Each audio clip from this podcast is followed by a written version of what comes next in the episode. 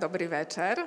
Vážené dámy, vážení páni, srdečne vás vítam v mene Polského klubu a v mene Polského inštitútu. E, toto podujatie s názvom Zoznamme sa, prosím, e, vzniklo asi takým štýlom, že my Poliaci žijúci tu na Slovensku e, chceme prezentovať nás, Poliakov žijúcich tu na Slovensku, takých, ktorí majú veľký prínos pre slovenské, slovenskú spoločnosť. A k takým osobom patria naši dnešní hostia. E, určite viete, kto to je, ale o chvíľočku dám aj im slovo a ešte ich predstavím.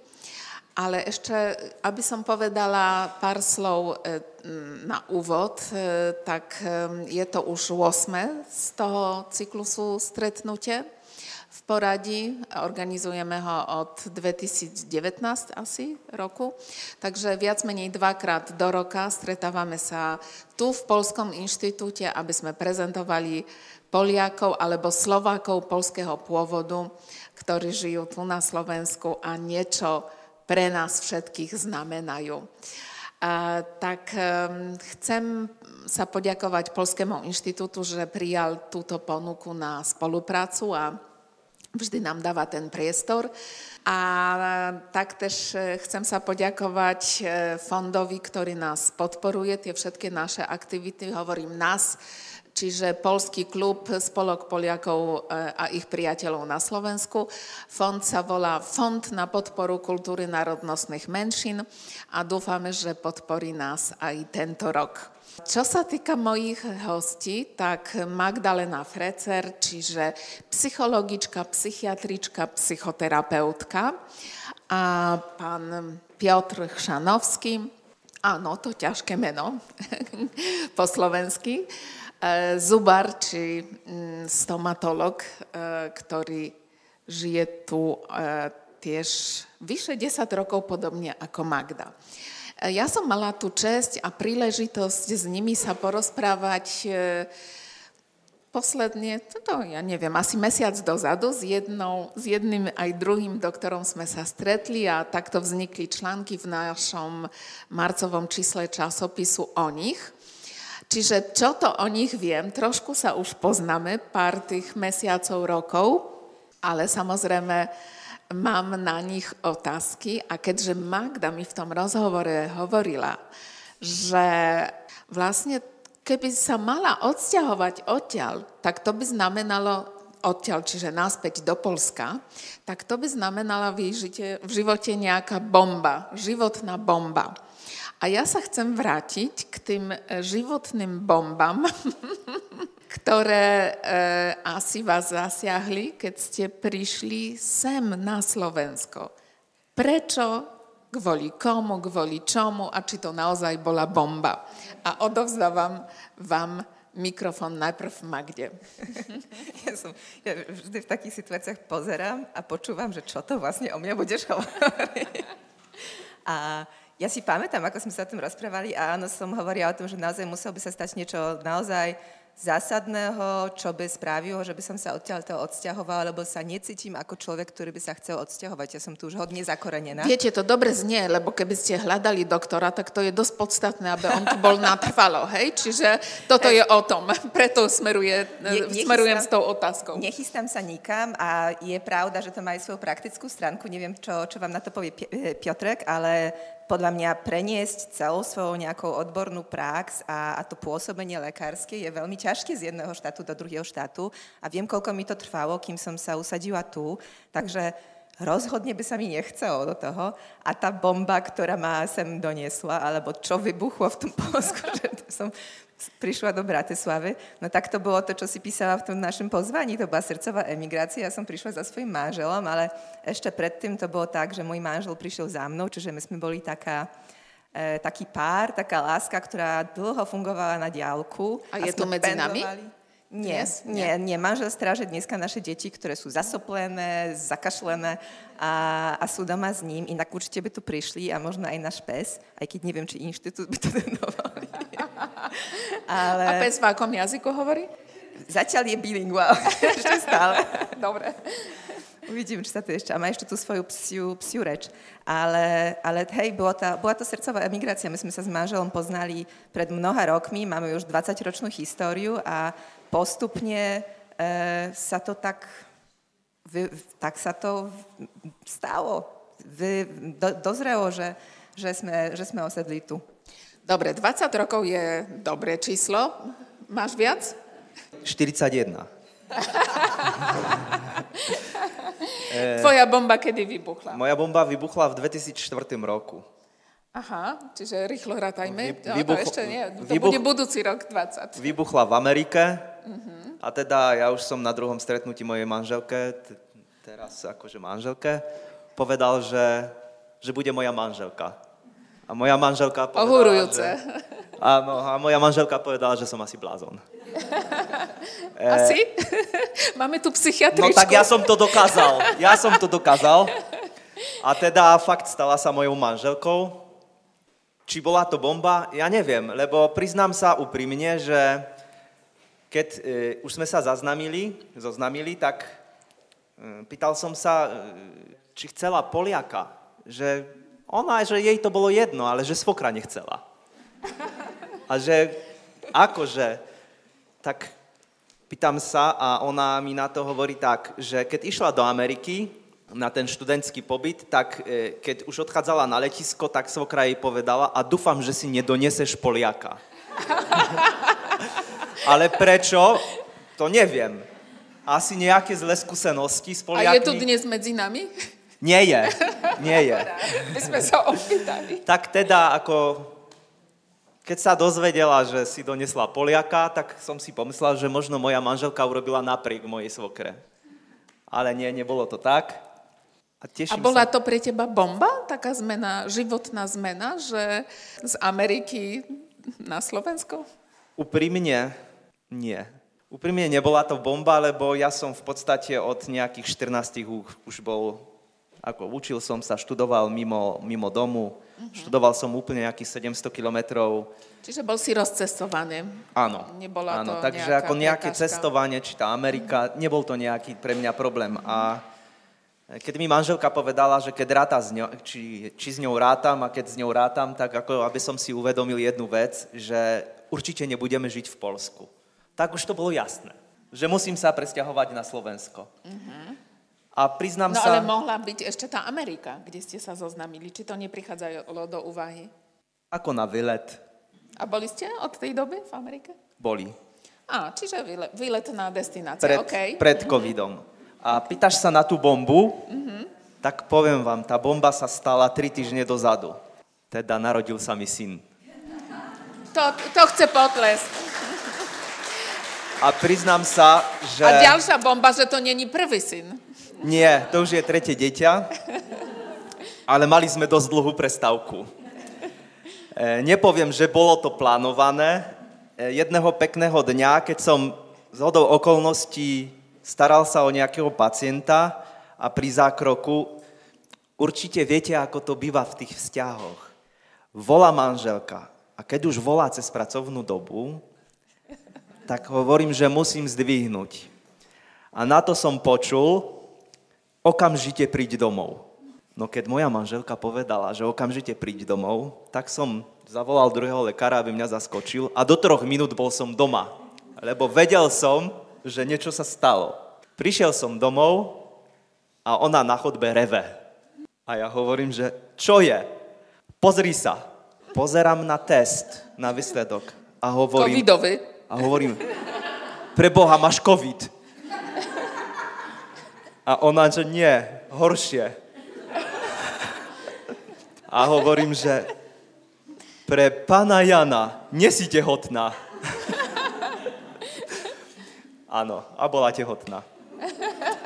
takže, takže takto sme tú bombu, lebo priznám sa, že celý život už bol nejakým spôsobom usporiadaný a zrazu také prekvapenie.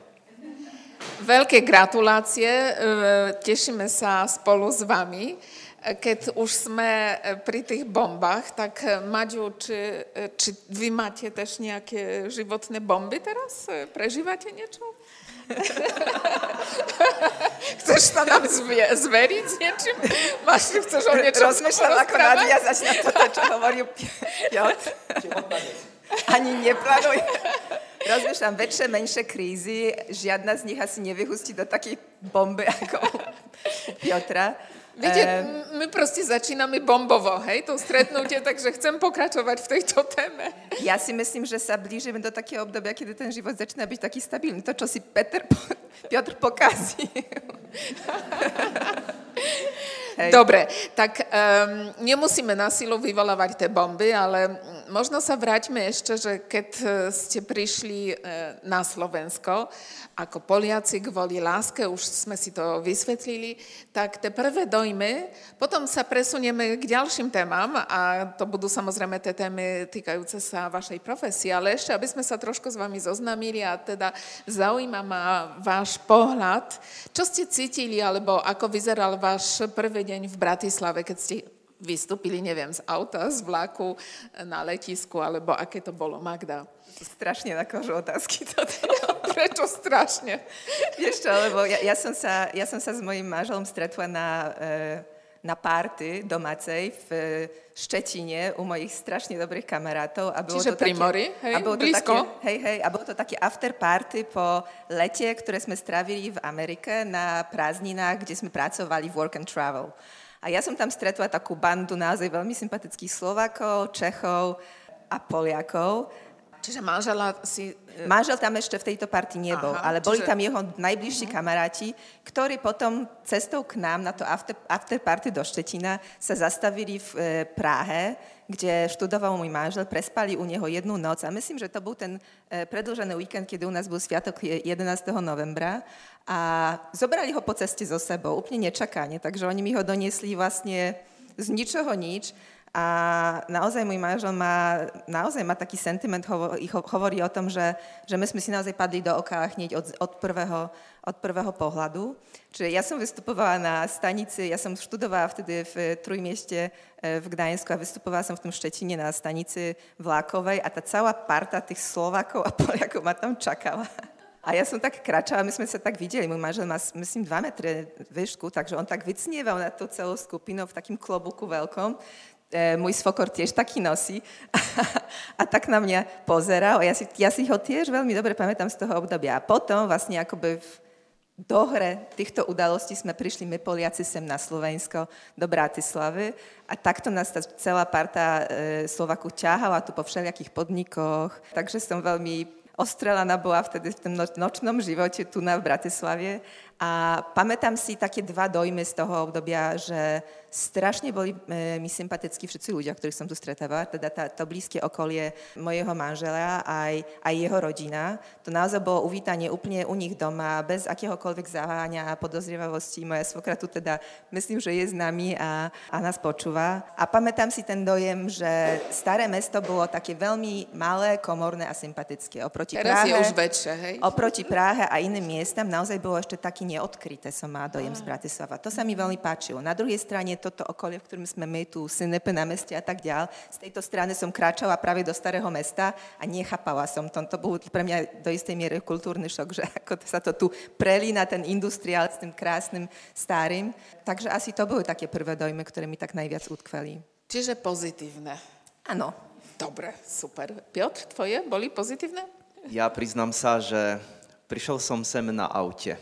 A išiel som prvýkrát po Košickej a povedal som si, pre Boha, toto ja sa nikdy nenaučím. Ako tuto cestovať po tých cestách? Ako tuto normálne, ako sa nájsť? Desiatýkrát potom už som išiel po Košickej a stále som nevedel, kde som. A to bolo také e, veľmi zaujímavé. A čo sa týka ľudí, poviem úprimne, že veľmi mám rád Slovensko, lebo je to môj druhý domov. E, nikdy som nemal ani náznak pocitu, aby niekto mi dal nejakým spôsobom najavo, že som tu Poliak a že niekto mňa tu nechce. Čiže hneď na začiatku si mal ten príjímací dojem taký, že... No, ale aj ja som sa dostal medzi partiu mojej manželky. Ja priznám sa úprimne, že medzi ženami sa veľmi dobre cítim.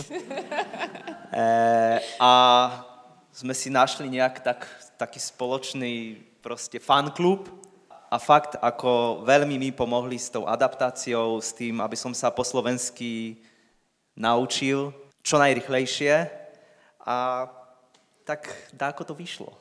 Máme tu na rade podľa scenára vaša profesia a chcem sa opýtať, pamätáte sa na ten prvý deň e, v práci tu na Slovensku, aké to bolo, ako vás prijali vaši kolegovia Slováci, neviem, bola tam možno nejaká srdečnosť alebo mm, no závisť, to asi nie, ale možno nedôvera?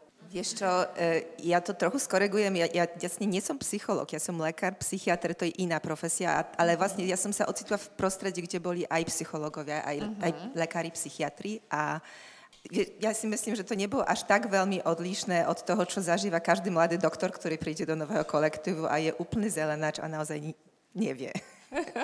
nevie čo a ako. E, možno to, čo bolo také odlišné, a my sme sa o tom rozprávali aj pred tými dvoma týždňami, bolo to, že ja som si naozaj myslela, že ja už celkom dobre viem po slovensky, keď som nastupovala, nebola to pravda.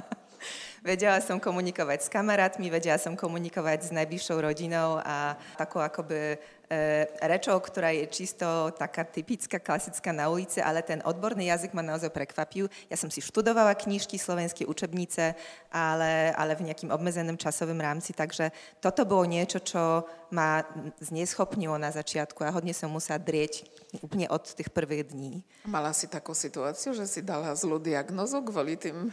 Ne, ne, ale, ne, ale mala, som, mala som kolegov, ktorí ma museli naozaj kontrolovať. Ja som sa... Aha. V niečom to bola veľmi dobrá skúsenosť, lebo ja som, ja som bola aj vtedy taká oveľa viac chamlivá, ako som teraz.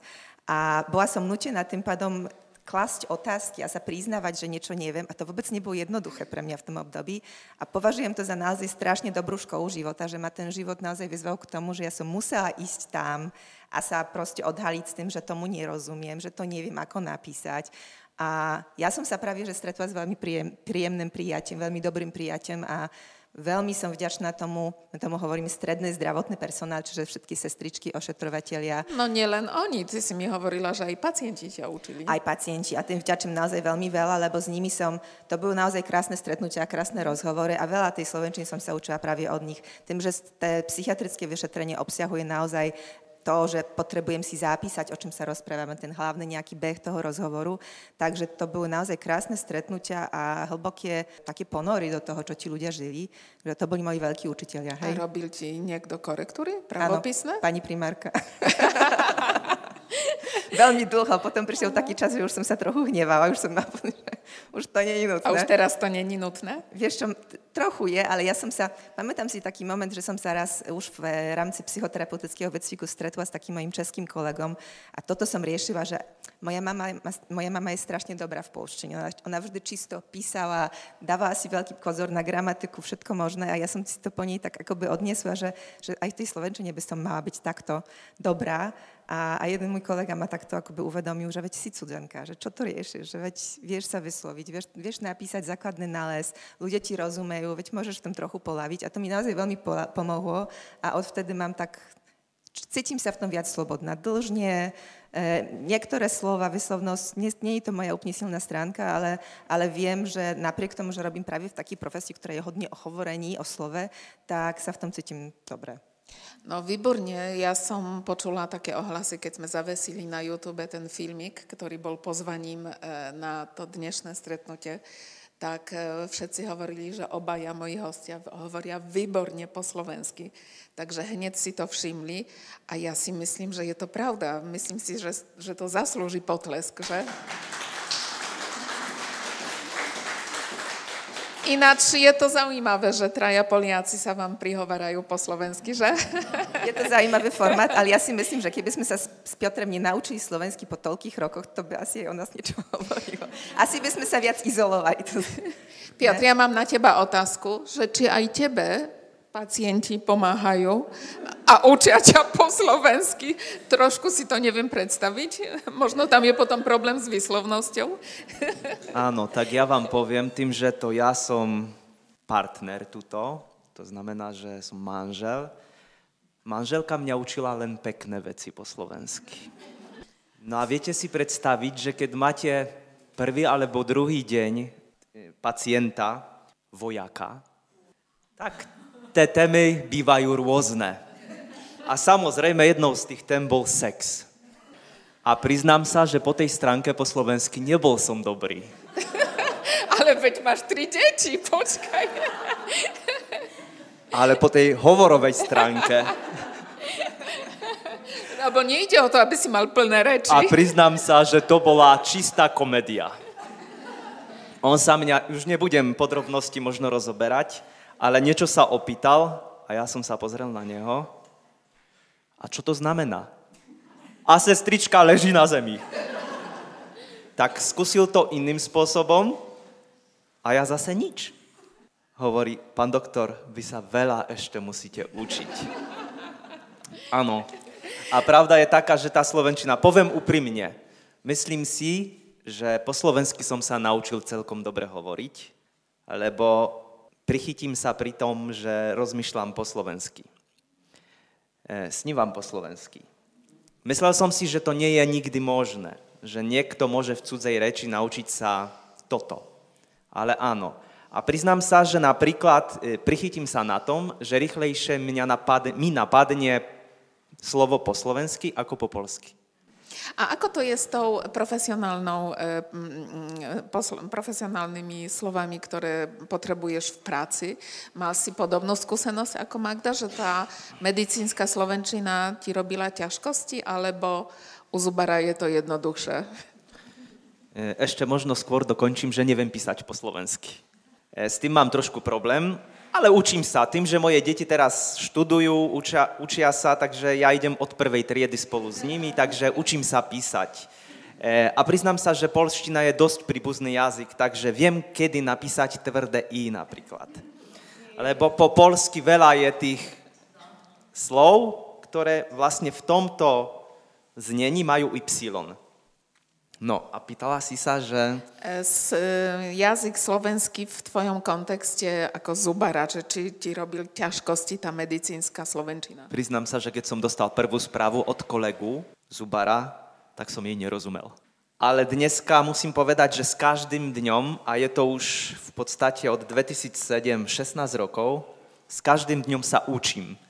A stávam sa po tejto stránke lepší a lepší, a máte také niečo, že mm, vidíte, že ten biely plášť vzbudzuje e, taký rešpekt, že ste považovaní, napriek tomu, že ste Poliaci, to nechcem takto povedať, ale že je to podobne ako v Polsku, že máte tu, vidíte tú úctu? Áno. Dobre, ďakujem. Magda? Áno? Dám takto. Ja, ja v tej psychiatrickej vetve e, som sa od začiatku stretávala s tým, že sa vyzlekáva, vyzlekávame sa z toho, z toho plášťa. Aha. Že ten akoby trend celosvetový je taký, že psychiatr mal byť blízko tomu klientovi, pacientovi, aby, aby sa ho nebal pravie, aby ten rešpekt nebol taký vysoký. Čiže ja som išla opačným smerom. Uh-huh. A, a ja som sa necítila dobre v bielom plášti. Uh-huh. Takže to bola taká moja stránka. A je in, ináč sa pracuje e, ako doktorom na Slovensku a ináč v Polsku? Je, lebo máte skúsenosti aj z Polska. Je to nie, v niečom? Nie, ja si myslím, že ten rozdiel nebol taký veľký. E, ja som ti hovorila o tom, že raz som sa stretla na takým fórum e, psychiatrickom s kolegami, tak medzi 30 40 e, vekovo, a profesne z, z tejto našej e, stredoeurópskej oblasti a vnímala som to tak, že Slováci, Poliaci, Česi máme veľmi podobný spôsob aj fungovania medicínsky, aj používame veľmi podobné štandardy, e, lieky a, a prístupy a im viac na východ, alebo im viac do toho, e, do toho, e, do toho akoby stredomorského centra, tak tam tie štandardy už bolo trošku iné. Používa sa tam oveľa viac starších liekov, ktoré u nás už vypadli z našeho trhu, čiže myslím si, že medicínsky není ten rozdiel až taký veľký. A v stomatológii je to iné v Polsku a na Slovensku?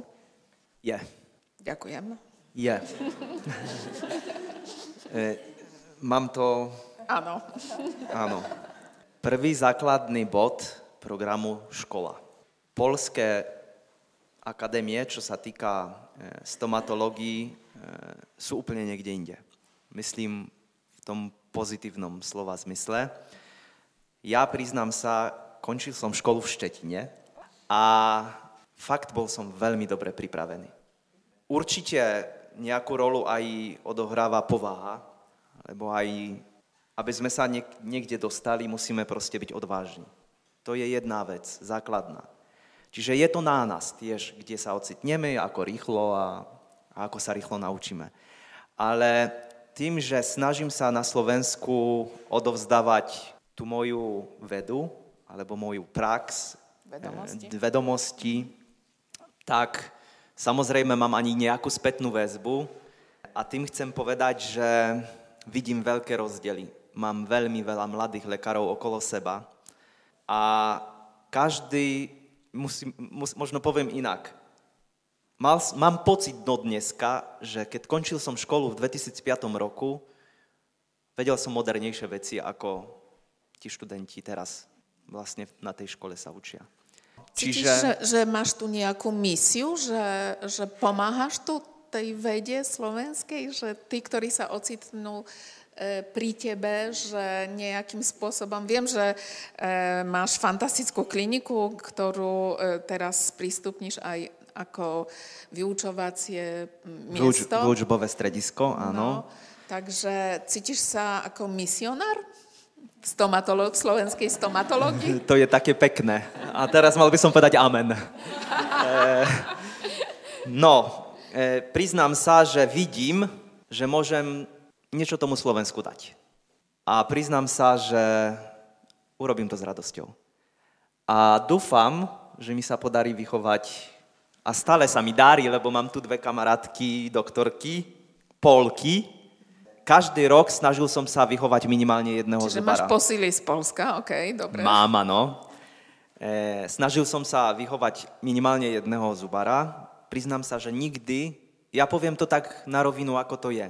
Nikdy som nezamestnal ako firma alebo zubná klinika nikoho z ulici. Každý, ktorý je u mňa zamestnaný, musel si prejsť krstom. V podstate rok až dva roky im trvá, kým sa dostanú na nejakú úroveň, ktorá satisfakcionuje mňa. S čím som spokojný. A devčatá môžu povedať, lebo vedia, že je to bohužiaľ pri mne ale ťažká drina a som veľmi kritický, som veľmi kritický v oči sebe a ten, kto príde ku mne sa učiť, očakávam, že bude minimálne stať pri mne a to isté očakávam od neho.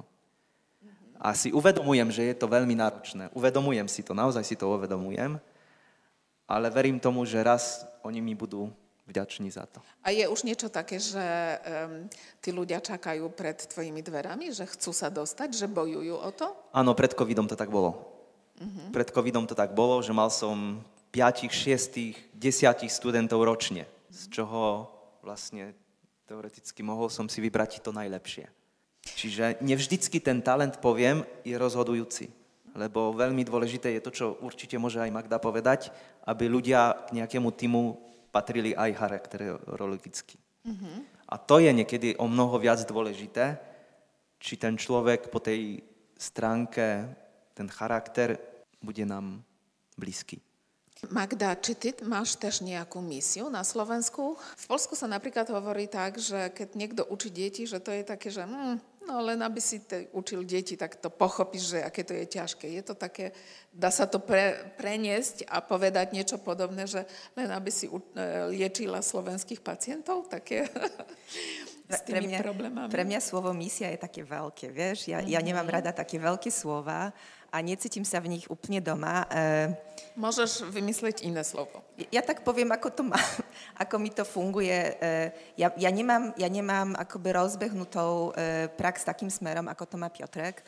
Čiže to moje fungovanie je také viac akoby samostatné. Ja som sama za seba podnikateľ a, a fungujem skôr. Mne sa to podarilo a ja som za to veľmi vďačná v takých hodne kolegiálnych kamarátskych vzťahoch. Čiže poznám dosť veľa ľudí tuto v Bratislave a okolí, ktorí majú tú istú profesiu, čo ja, s ktorými máme všelijaké takéto akoby profesné stretnutia, supervízie, vzdelávania. Takže máme takú sieť, kde vieme o seba, aký sme, ako pracujeme profesne, aj, aj vieme si vo veľa situáciách pomáhať. A to, čo ja vnímam, ja to mám trochu tak, že si myslím, že mala som veľmi dobrých učiteľov, od ktorých som sa učila tej mojej e, profesii. Myslíš tým v Polsku? Aj v Polsku uh-huh. som mala veľmi dobré zazemie v, tom, v tomto e, ohľade, ale aj tu na Slovensku to psychoterapeutické, aj to psychiatrické. A ja mám pocit, že mi to pomáha takto odovzdať tým mojim klientom. Ja to tam vidím. Ja mám pocit, že psychiatria alebo tá starostlivosť o duševné zdravie, to je taká veľmi špecifická oblasť, kde nedarí sa ani v Polsku, ani na Slovensku, teda to je môj subjektívny názor, ale akoby robiť tú zmenu z hora. Že začneme hovoriť o tom, že to by malo byť inak. Že to, čo sa mi zdá, že veľmi funguje, je tá zmena ako bez dola, že ľudia, ktorí zažijú niečo také obohacujúce, alebo že stretnú sa s tou psychoterapiou, psychiatriou, s takým dobrým sprevádzaním v tých svojich ťažkostiach, životných krízach, tak potom sa učia, že to není chamba a hovoria o tom a hovoria o tom svojim najblízkým kamarátom a tým pádom to je tak, ako by si hodila kameň a tie kruhy sa rozširujú na tej vode. A mne sa to tak osvedčuje, že vďaka tomu mám pocit, že tá hovorí sa o destigmatizácii duševného zdravia na celosvetovo, tak mám pocit, že tak sa to robí. Čiže ja mám trochu taký pocit, že keď si upracem ja vo svojom pokoji, vo svojej izbe, tak, to, tak to bude pôsobiť aj na ostatných. Ale súhlasím s tým, čo hovorí Piotrek, že je strašne dôležité, aby sme mali naozaj kolegov, starších od nás stážom, ktorí nás sprevádzajú a ktorí naozaj nás učia tej praktickej stránky toho fáchu, tej roboty, lebo v medicíne, v zubarine je to strašne dôležité, aby sme sa učili jeden od druhého. To sa nedá načítať z kníh, to je naozaj o, o skúsenosti. Tak e, ešte zostaňme chvíľočku pri tej téme e, úrovni medicínskeho vzdelania tu na Slovensku a v Polsku. Čím to je, že tak veľa vysokoškolákov chodí sem z Polska, aby študovalo tu na Slovensku. Viem, že majú také možnosti a viem, že je veľa e, Poliakov. Je to mm, podmienkami? Ľahšie sa môžu dostať na tú vysokú školu? Alebo No, neviem, kvôli úrovni tej medicíny, neviete? Ja vôbec Či? neviem. Ja naozaj neviem. Jediné, k čomu sa viem akoby vzťahovať v tejto téme je, že som mala susedov Poliakov, ktorí tu prišli študovať medicínu, ale my sme spolu venčili psy, takže oni boli už v zaavansovanom štúdii v zmysle toho, že už končili tú medicínu a pochádzali z južného Polska a bolo im, tak mi to vysvetľovali, že tým, že boli pár, tak im bolo akoby ľahšie, kratšie prenajať si tu byt a bývať tu spoločne a tu študovať ale mali plány len dokončiť školu a vrátiť sa späť. OK, ale mm-hmm. prečo sem chodia? Kvôli, to netuším. Nevieme, že či to je úrovňou, lebo asi, čo sa týka stomatológie, tak asi nie. Tak, ja môžem povedať, že prečo Nori chodia do Polska sa učiť. Aha. Dobre, tak zmeníme okay. tému, OK? e, priznám sa tým, že som študoval v Polsku, e, ja som sa možno učil veľa od tých mojich študentov. Čiže od tých, budúcich lekárov alebo lekárov, ktorí sa pri mne učia. Ale priznám sa, že prečo, ja som raz počul, lebo, mm, ale to už tak z takých rodinných, by som povedal, e, nejakých vyšetrení. Otec mi povedal, že našeho priateľa rodinného vlastne syn chce ísť študovať do Košic, lebo je tam jednoduchšie sa dostať. Ale neviem, či je to pravda. Dobre, Lebo to, som, to som ja počul. Ne, mhm, nebudeme sa tu domnievať, e, ideme trošku iným smerom, že či máte nejaké také informácie, koľko tu je lekárov Poliakov a že či udržávate kontakty medzi polskými lekármi? Myslím si, že s každým rokom tých Poliakov bude asi pribúdať, lebo študuje ich asi viac a viac. Bo neviem, ako to, to je úprimne. Na to, na to sa musím zase opýtať. Mm-hmm. Ale priznám sa, že áno, Poznám e, jednoho doktora, e, viem, že je jeden stomatolog. Tiež Poliak, Áno, hej? anesteziolog, mm-hmm. doktor Ireneusz Převodský. Mm-hmm. A tým, že som Poliak, ja aj on, tak sme sa skamaratili. Tak, e, tak sme už skôr priatelia. Okay. E, Magda, my sme sa zoznamili ako cez polskú školu. Tak to je zaujímavé, nie? že koľko je tu polských doktorov. Dobre, Áno. budeme hľadať. Vás tež poprosíme, aby ste mali oči, uši otvorené. A teraz, Magda, ty máš nejakých známych psychiatrov, psychologov, psychiatrikov? Ja som sa len v priebehu atestačnej skúšky stretla s kolegom, ktorý ale pracoval v Žiline a viem, že už sa vrátil do Polska so svojou rodinou. A to bol Poliak, ktorý tam bol zamestnaný mm-hmm. ako, ako psychiatr a lekár. A potom som stretla ukrajinských kolegov, ktorí tu tiež atestovali a prišli pracovať a vzdelávať sa. Mm-hmm. Ale inak inak nie, veľmi málo. Dobre, tak vás tež poprosíme, keby ste vedeli, tak e, otvoríme taký podklub Polského klubu a že doktorský, hej? OK, posledná otázka v tomto bloku. Vadí vám to, že mm, minister zdravotníctva podal demisiu, ale tak, že už ministerstvo nemá vôbec vedenie takmer? Či pre vás to nepohne to vašou prácou? Nepohne. Mm, ja, Alebo skôr sledujete, čo sa v Polsku deje. Ja, ja, rozumiem, ja, ja rozumiem tým pohybom, ktoré sa tu tak chaoticky dejú. Rozumiem, že v tom chaose dejú sa aj takéto zmeny a, a že, že tých asi ešte ďalších takýchto zvláštnych demisí bude sa tu ďať viac. Ja som bola len rada za to, že pán minister predtým, ako odišiel, stihol e, doriešiť jednu psychiatrickú otázku, ktorá bola veľmi dôležitá. On podpísal vlastne Ehm, taký dokument, ktorý dáva nám základné guideliny, ako mali by sme ošetrovať ľudí z LGBT komunity, ktoré tie podklady boli veľmi dlho odložené do šuflíka a s nimi sa nič nerobilo a bola to veľmi Čiže Kobe, pohlo sa to za jeho... Vieš, obdobie. vyzerá, že hej, aj keď pán, e, pán Heger tvrdí, že potrebuje sa ešte na to pozrieť, či je to všetko na poriadku, ale na poriadku to už je vyššie roka, len že je to natoľko politicky nie, populárne rozhodnutie, že ja naozaj veľmi sa teším, že v tomto pán minister mal na toľko odvahy, že to urobil teraz pred demisiou, že toto stíhol. Bola by som veľmi rada, keby to ostalo, lebo e, nomenklatúra alebo právo, ktoré máme v tejto otázke, je tak zastaralé, že je to, je to chamba pre demokratickú krajinu. Takže za to, sam, za to som mu vďačná. Piotr, ako spomínaš ministra Lengvarského?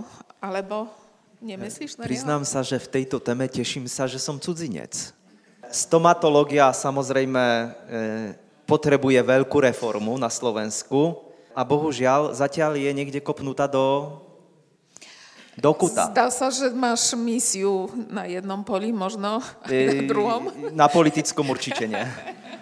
To nie je, nie je niečo, v čom by som sa asi vedel e, nájsť, ale priznám sa, že tým, že Minister som, Chšanovský. Tým, že som cudzinec, nesledujem tú politickú, ten politický život na Slovensku. To znamená, že ti neprekážali. A prosím, nehnevajte sa na to, za, e, nehnevajte sa na to, lebo jednoducho, priznám sa tým, že tie tri týždne dozadu vybuchla tá bomba u mňa v rodine, tak, tak ani neviem, že pán minister... To je čerstvá vec, to je minulý, minulý piatok. Tuším. A pre mňa všetko, čo je čerstvé, je ako niekde za hmou. Tretí tematický blok bude o pádach. Prvé bomba, druhý profesia, teraz pad. Bol nejaký pad, e, kopance v živote, ktoré vás zasiahli tu a niekam vás vystrelili, tu na Slovensku? Piotr? Určite áno. E, prišiel som na Slovensku, na Slovensko v 2007 roku a tým, že som bol mladý zubar, Ehm, bez nejakých takých skúseností cestovateľských, by som povedal, ako odborných, tak som sa zamestnal na Slovensku. No a bohužiaľ prišlo sklamanie, lebo zamestnávateľ ehm, mňa oklamal. A teda priznám sa, že to bol taký, také nakopnutie, lebo hm, ostal som v podstate bez peňazí. Neviem, ako sa mi podarilo otvoriť prvú ambulanciu, ale sa to podarilo. A odvtedy v podstate snažil som sa byť samostatný. Ale áno, bolo to, bolo to veľmi veľké sklamanie, lebo ako mladý človek samozrejme potreboval som ísť do obchodu a niečo kúpiť. Ja som taký človek, že hľadám vo všetkom nejakú motiváciu. A to bola prvá veľká motivácia, ktorá niekde tam v tej mojej hlave narastla do myšlenky takej, akú som zrealizoval. Čiže vizionár, misionár.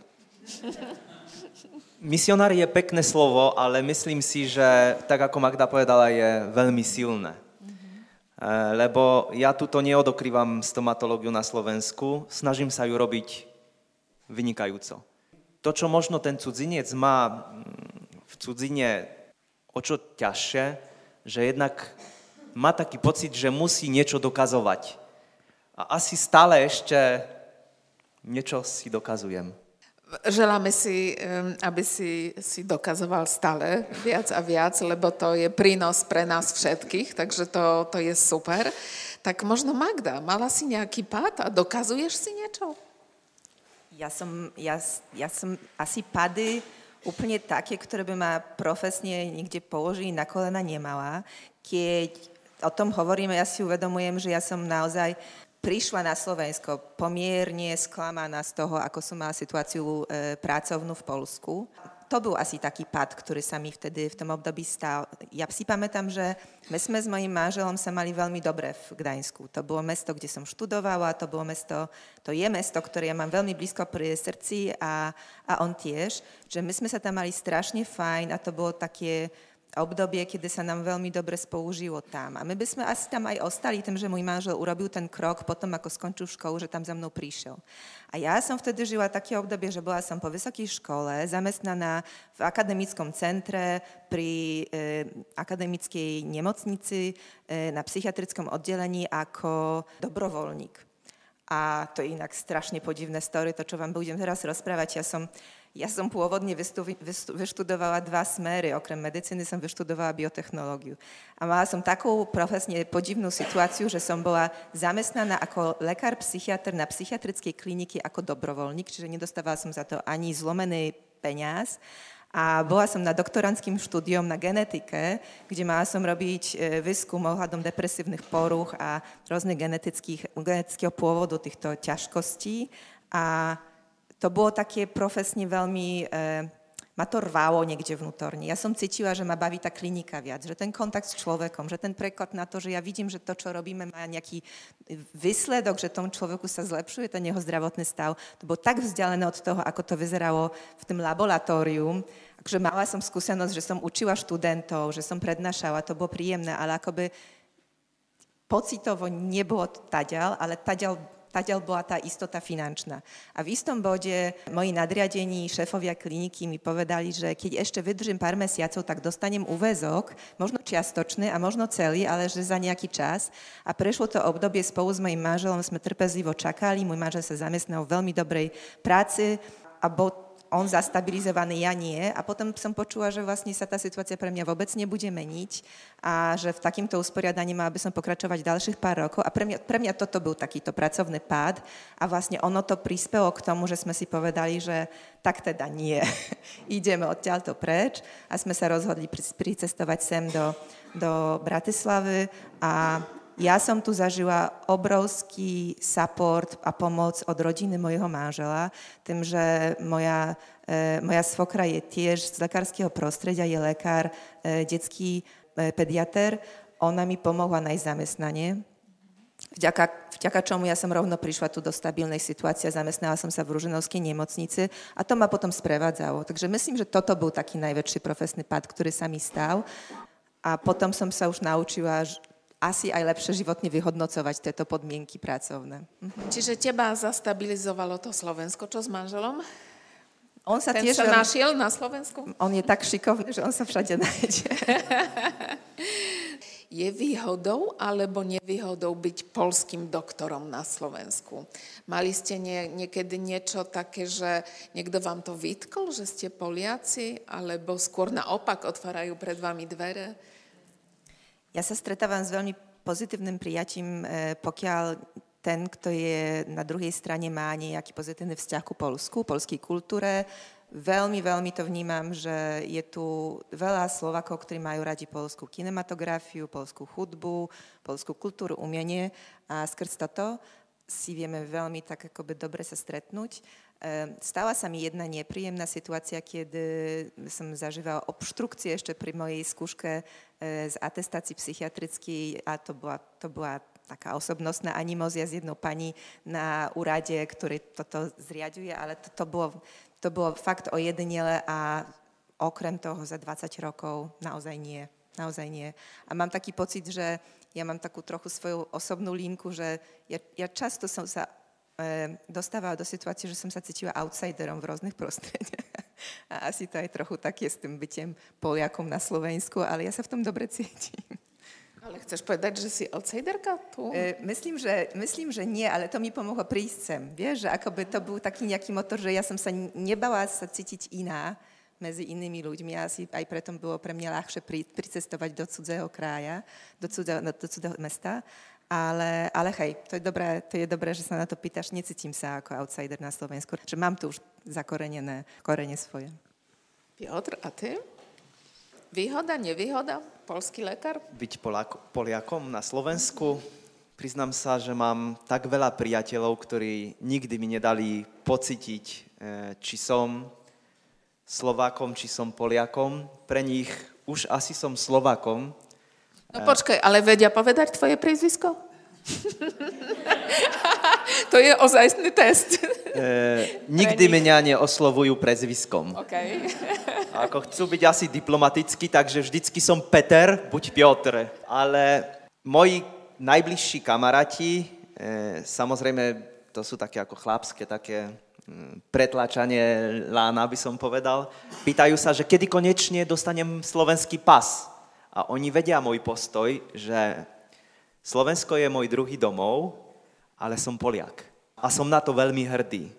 A takisto vychovávam moje deti s tým, že, aby to bolo fér, sú 50% Slováci a 50% Poliaci. Čiže ja ich snažím sa naučiť, aj keď veľa do Polska necestujeme, lásky k Polsku a manželka učí ich lásky k Slovensku. Čiže my to máme tak rozdelené. Ale Takže... vieš, že by si mohol mať dva pasy, že dá sa mať dva občanstva. Áno, áno, viem, ale, ale však dneska to nikto nepotrebuje. Dneska nikto to nepotrebuje a, a poviem úprimne, že som hrdý na to, že som Poliakom na Slovensku. Ako sa to prejavuje? Ako sa to, ako sa to prejavuje? Napríklad tak ako dneska. E, priznám sa, že Slovensko mi dalo veľmi veľa v živote, do života. Kebyže nie som na Slovensku, možno nikdy v živote neprednášam. A zrovna firma, ktorá mňa oslovila, aby som robil pre nich e, prednášky, potrebovala lekára, stomatologa, ktorý hovorí výborne po, polsku, po polsky. Asi to mňa najviac v mojej kariére posunulo, lebo mal som možnosť učiť sa u najlepších, alebo od najlepších. Takže... Čiže Slovensko bolo pre teba aj tou šancou nejakou, aj je. keď e, je, bolo je. a je. Ja mám podobné skúsenosti toto není ale stretnutie o mne. Takže Magda, šanca? Slovensko šanc, bolo šancou pre teba? Tež tak to vnímaš? Myslím, že dá sa tak povedať. Ja teda mm-hmm. naozaj neviem, ako by sa vyvinula moja cesta, pokiaľ by som ostala v Polsku. Dúfam, že by som sa tam nestratila. Ale mm-hmm. Na ja naozaj... už nečakáme. ale ja naozaj veľmi vnímam, že na Slovensku som našla veľmi veľa podpory. Aj v tom rodinnom zazemí, aj v tom profesnom zazemí, aj v tom kamarátskom zazemí. A že mi to, mi to veľmi veľa dalo do života. A myslím, že Chvíľu trvalo, kým som sa tu naozaj tak udomacnila po svojom, skrz svojich kamarátov a svoje nejaké miesta, ale je to, je to pekný kraj do, do, do života. Ja sa tiež cítim Polkou a, a som veľmi rada za to, že moje deti e, tú polskú totožnosť tiež majú, ale cítime sa tu, cítime sa tu doma, cítime sa tu dobre všetci. Mm-hmm. Polský pas či aj slovenský?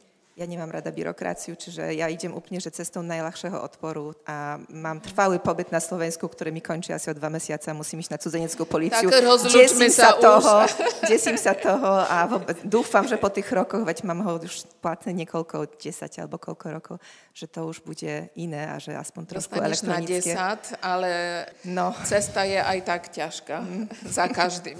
Cudzenecká policia nikomu neželáme. Hej, hej, hej, odolávam tomu, ale hej, už ten deadline je blízko. Dobre. Dá sa povedať, že cítite sa ambasadormi Polska? Vždy kladem otázku v tomto cykluse našich stretnutí, lebo mňa to zaujíma, že či sa niekto cíti byť tým veľvyslancom Polska na Slovensku a ako sa to prejavuje? Ja, ja vôbec nie. Ty používaš veľmi veľké slova. Viem, viem, novinári tak majú. Hej, hej, ja, ja to, ja Môžeš to všetko teraz vyžehliť, ináč pomenovať, dovolím. Ja to tak nemám. Ja naozaj, ja sa v tomto kontexte niekde polskosti alebo pôsobenia Poliakov na, Sloven- na Slovensku, ja sa cítim v tom naozaj malá. Ako necítim sa ako dôležitá v tomto a mám pocit, že... Chceš sa... sa o tom porozprávať? Potrebuješ pomoc? myslím, že to mám seba dobre zrovnané. Myslím, že to mám tak akurát. Takže nie, neviem, nie, bolo by to niečo, do čoho by som sa musela tak asi nejak e, skúšať to, alebo nejak, vieš, tak ako v tej skúšobnej kabínke skúšaš nové kabát, že či mi to sedí a vôbec som do toho obchodu ani ne, neišla ešte dnu. Takže Dobre, tak. nebudeme to siliť. Piotr, si trošku polský veľvyslanec? Neviem. Nie, ja poviem možno inak. Pre mňa dve veci sú najdôležitejšie v živote. To je rodina a dva priatelia. A možno budem, zoberiem to ako váhu. Na jednej strane sú Poliaci, priatelia a na druhej Slováci. A je to presne na tej istej úrovni.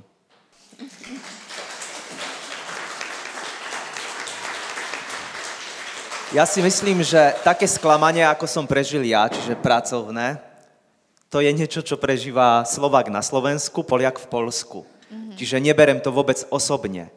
V tomto momente, keď sa mi to stalo, bral som to trošku tragicky, ale už sa pozerám na to s nadhľadom. To znamená, že každý sme nejaký, ale myslím si, že to priateľstvo, úprimnosť a dobré slovo je na nezaplatenie všade. A tak sa snažím, tak sa snažím byť takým človekom, ktorý všade vidí niečo pozitívne. Výborne, vý, výborná pointa našeho rozhovoru. Ale rozhovor ešte nekončí. Teraz môžete klásť otázky vy. Pán tu sa hlási ako prvý. Dáme, dáme Pán doktor, otázka na vás. Používate už bežne keramické blomby? Ak áno, koľko vydržia? A po druhé, čo sa týka vstupu študentov pochádzajúcich z EU krajín, tak e, myslím si, že boli tam nejaké limity. To znamená, že určité percento musí byť rezervované pre študentov z EU. A možno, že ešte tá posledná, obstali by ste vo Švajčiarsku alebo Švedsku? Ja si myslím, že obstal by som aj v Amerike.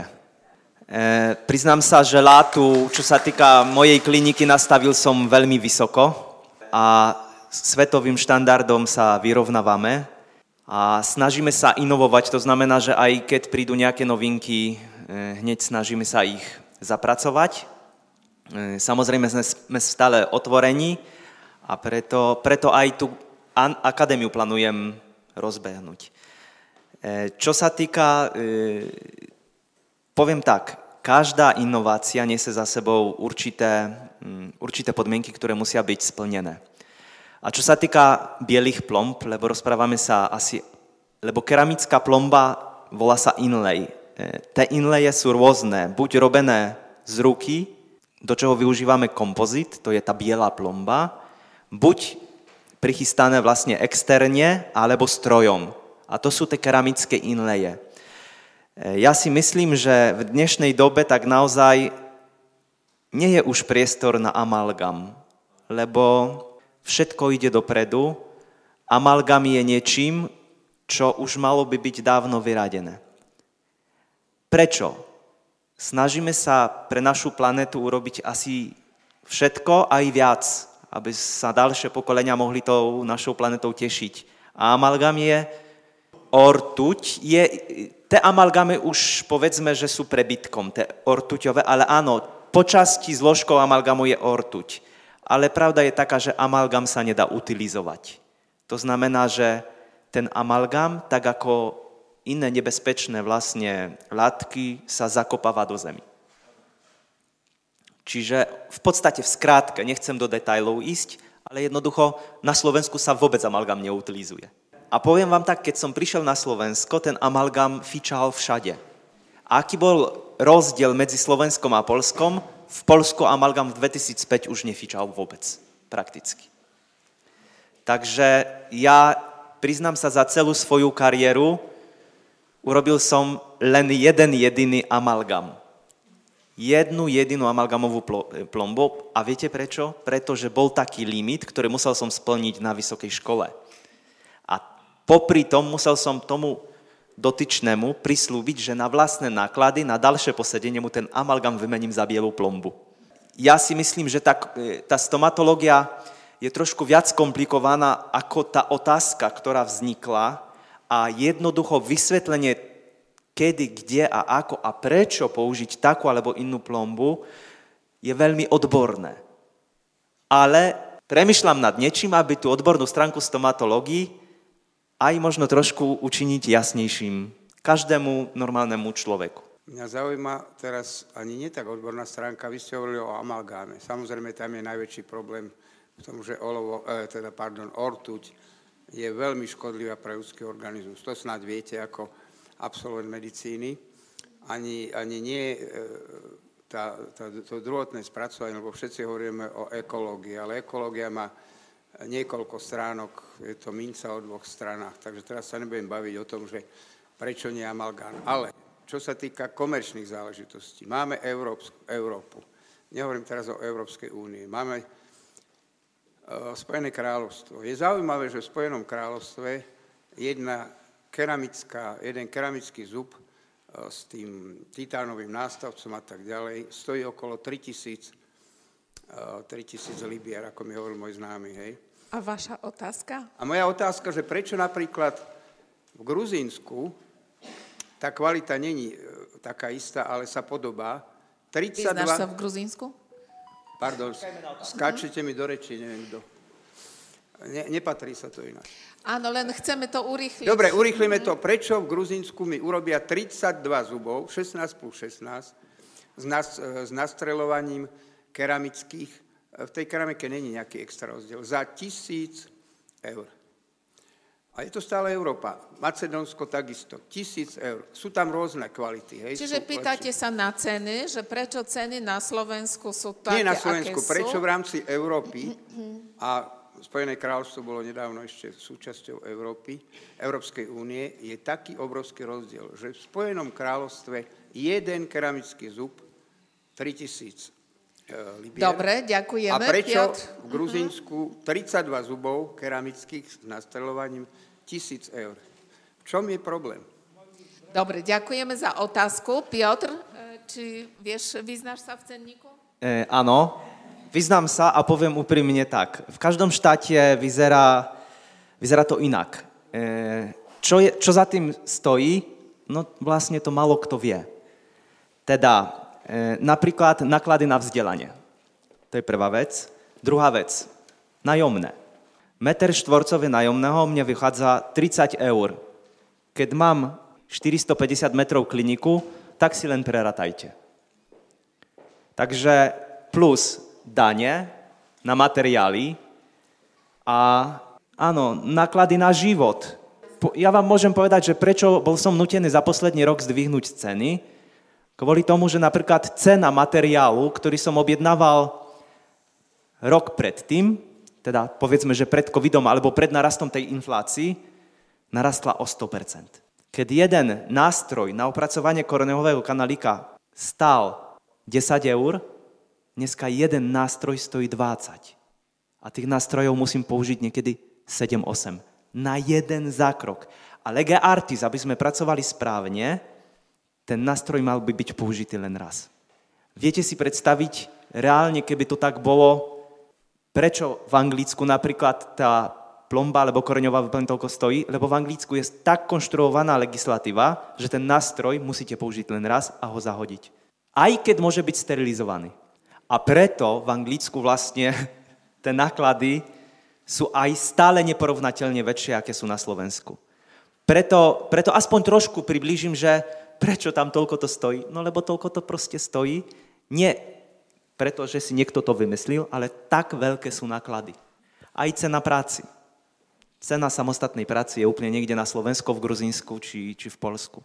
Dobre, ďakujeme. Magda, e, cena e, u teba tež narastla oproti pred covidom a asi po, po covide asi 5 násobne, či? My máme ceny terapeutických a psychiatrických ošetrení stále pomerne nízke oproti zvyšku západnej Európy a sveta, ale není to lacné. Tá starostlivosť je naozaj v súkromnej sfere. Ja som súkromný odborník a, a ne, nemám ten cenník lacný. Viem, že není prístupný úplne pre všetkých, ale, ale trhový, trhové akoby vytlak alebo podmienky sú také, že, že jednoducho kolegovia musia takto s tým pracovať a aj ja. Mm-hmm. Dobre. E, šanca na poslednú otázku. A potom môžeme samozrejme ešte pri víne sa porozprávať. E, môžete sa pýtať našich hostí. Natália, nech sa páči. Ja sa opýtam Magdu, že ako pristupuje k terapii online, keďže to bolo niečo ešte prednedávnom. To je super otázka. Ja si pamätám obdobie ešte pred pandémiou, kedy v tej celej našej psychoterapeutickej obci fungovalo také rozdelenie, že niektorí kolegovia v tom pracovali už veľmi dlho, ale, ale veľká skupina bola proti tomu, že to není to isté, že jednak ten kontakt interpersonálny je iný, že nie sme si tak blízko, že to tak delí, ale musím povedať, že tá skúsenosť cez COVID e, veľmi pomohla, že, že ten online nám pomohol udržať si vzťahy a kontakt so sebou. A ni, naozaj není to to isté, do istej miery všetci si uvedomujeme, ako nás to vyrezáva v tej obrazovke, ako v tom kontakte. Niektoré tie naše prejavy neverbálne nie sú úplne zachytené a nevieme úplne nacítiť tú atmosféru na, spolu, keď, keď nie sme v jednej miestnosti, ale napriek tomu, e, keď sme mali na vyber všet, toto alebo nič, tak ten online myslím, že priniesol veľmi veľa dobrého a pomohol sa ľuďom spájať a byť spolu. Ďakujeme. Piotr, nebudem sa pýtať na online u teba. Alebo? Ja mám teda jednu otázku na Magdu. Tak aj ja som trochu zvedavý, tým, že Magda pracuje ako psychiatr. Chcel som sa ťa opýtať, Magda, lebo to je otázka, ktorá asi napadla každého. Aj mňa napadla. Niekoľkokrát, keď som sledoval napríklad nejaký seriál alebo film. Veľmi, podľa mňa, máš náročnú prácu, lebo nese to so sebou veľmi veľké bremeno. Vieme, že to psychické zdravie je niečo veľmi krehké. A v dnešnej dobe už úplne asi veľmi. Čiže je na tvojich rukách veľká zodpovednosť. Ako ty to zvládaš? Ja ti ďakujem za tú otázku. Ja som sa učila v psychoterapeutickým vzdelaní, to bol 5-ročný kurz, také dlhodobé učenie sa, že ako byť s druhými ľuďmi tak, aby nás to nepreťažovalo a ako udržať si svoje hranice, ako udržať si svoje veci niekde bokom, aby ne, ne zaniesť ten, ten priestor toho klienta, ktorý to potrebuje a naozaj pri trénovaní takejto uvažnosti u seba je to naozaj možné. Čiže to nemusí byť úplne tak, že si tú prácu odborník s mojou profesiou nesie domov, alebo že, že mu to bere spánok v noci. Ale ja si uvedomujem váhu toho, čo robím a musím povedať, že ja, ja sa považujem za naozaj šťastného človeka v tom, že tie stretnutia s ľuďmi, s ktorými ja pracujem, sú naozaj pekné.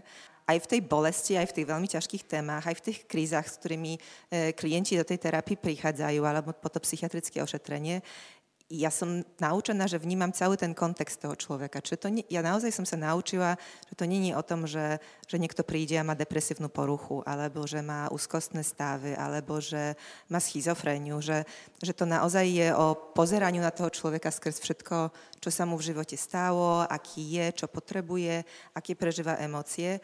A z takej perspektívy tie stretnutia naozaj majú veľkú hĺbku a mne to mne to veľmi obohacuje. Čiže ja z tých stretnutí naozaj tiež akoby e, ťažem v tom zmysle, že som za to veľmi vďačná. A myslím, že, ma, že dávam toho ta, takú váhu, že, že to naozaj je pre mňa v niečom taký posviate, čo sa tam deje v tej psychoterapii. A, a vďaka tomu ja tú svoju profesiu mám veľmi ráda. Čiže tá záťaž, ona sa mi vyrovnáva veľmi práve tým obohacujúcim, čo tam nahádzam.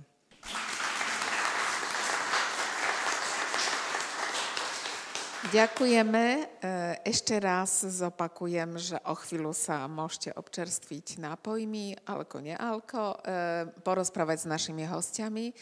Ďalšie podujatie Polského klubu bude sa konať, tak ako som spomenula, 15. apríla v sobotu, ešte nevieme o ktorej hodine, ale e, sledujte náš časopis alebo internetové stránky.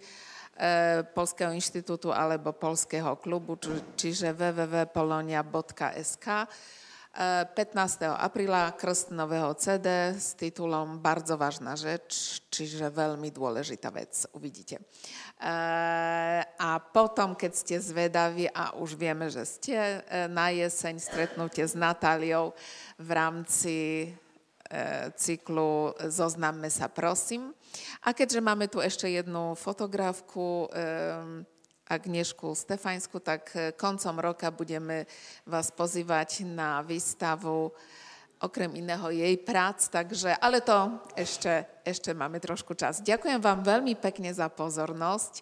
Ďakujem Polskému inštitútu za priestory a za víno a nápoje a Fondu na podporu kultúry národnostných menšín, že nám dovoluje organizovať také podujatia. Ja sa volám Małgorzata Vojtešínska, čiže rozumiem Piotrovi, keď niekto nevie povedať jeho meno, so mnou je podobne, len ty máš trošku jednoduchšie meno, ja mám jedno aj druhé ťažké, takže ďakujem veľmi pekne Małgorzata Vojtešínska a moji hostia Magdalena Frecer, Piotr Kšanovský a ešte hudobní hostia. Možno sa postavíme chvíľa pre fotoreportérov. Natália Konič Hamada, Maroš Hamada a Stano Stehlik.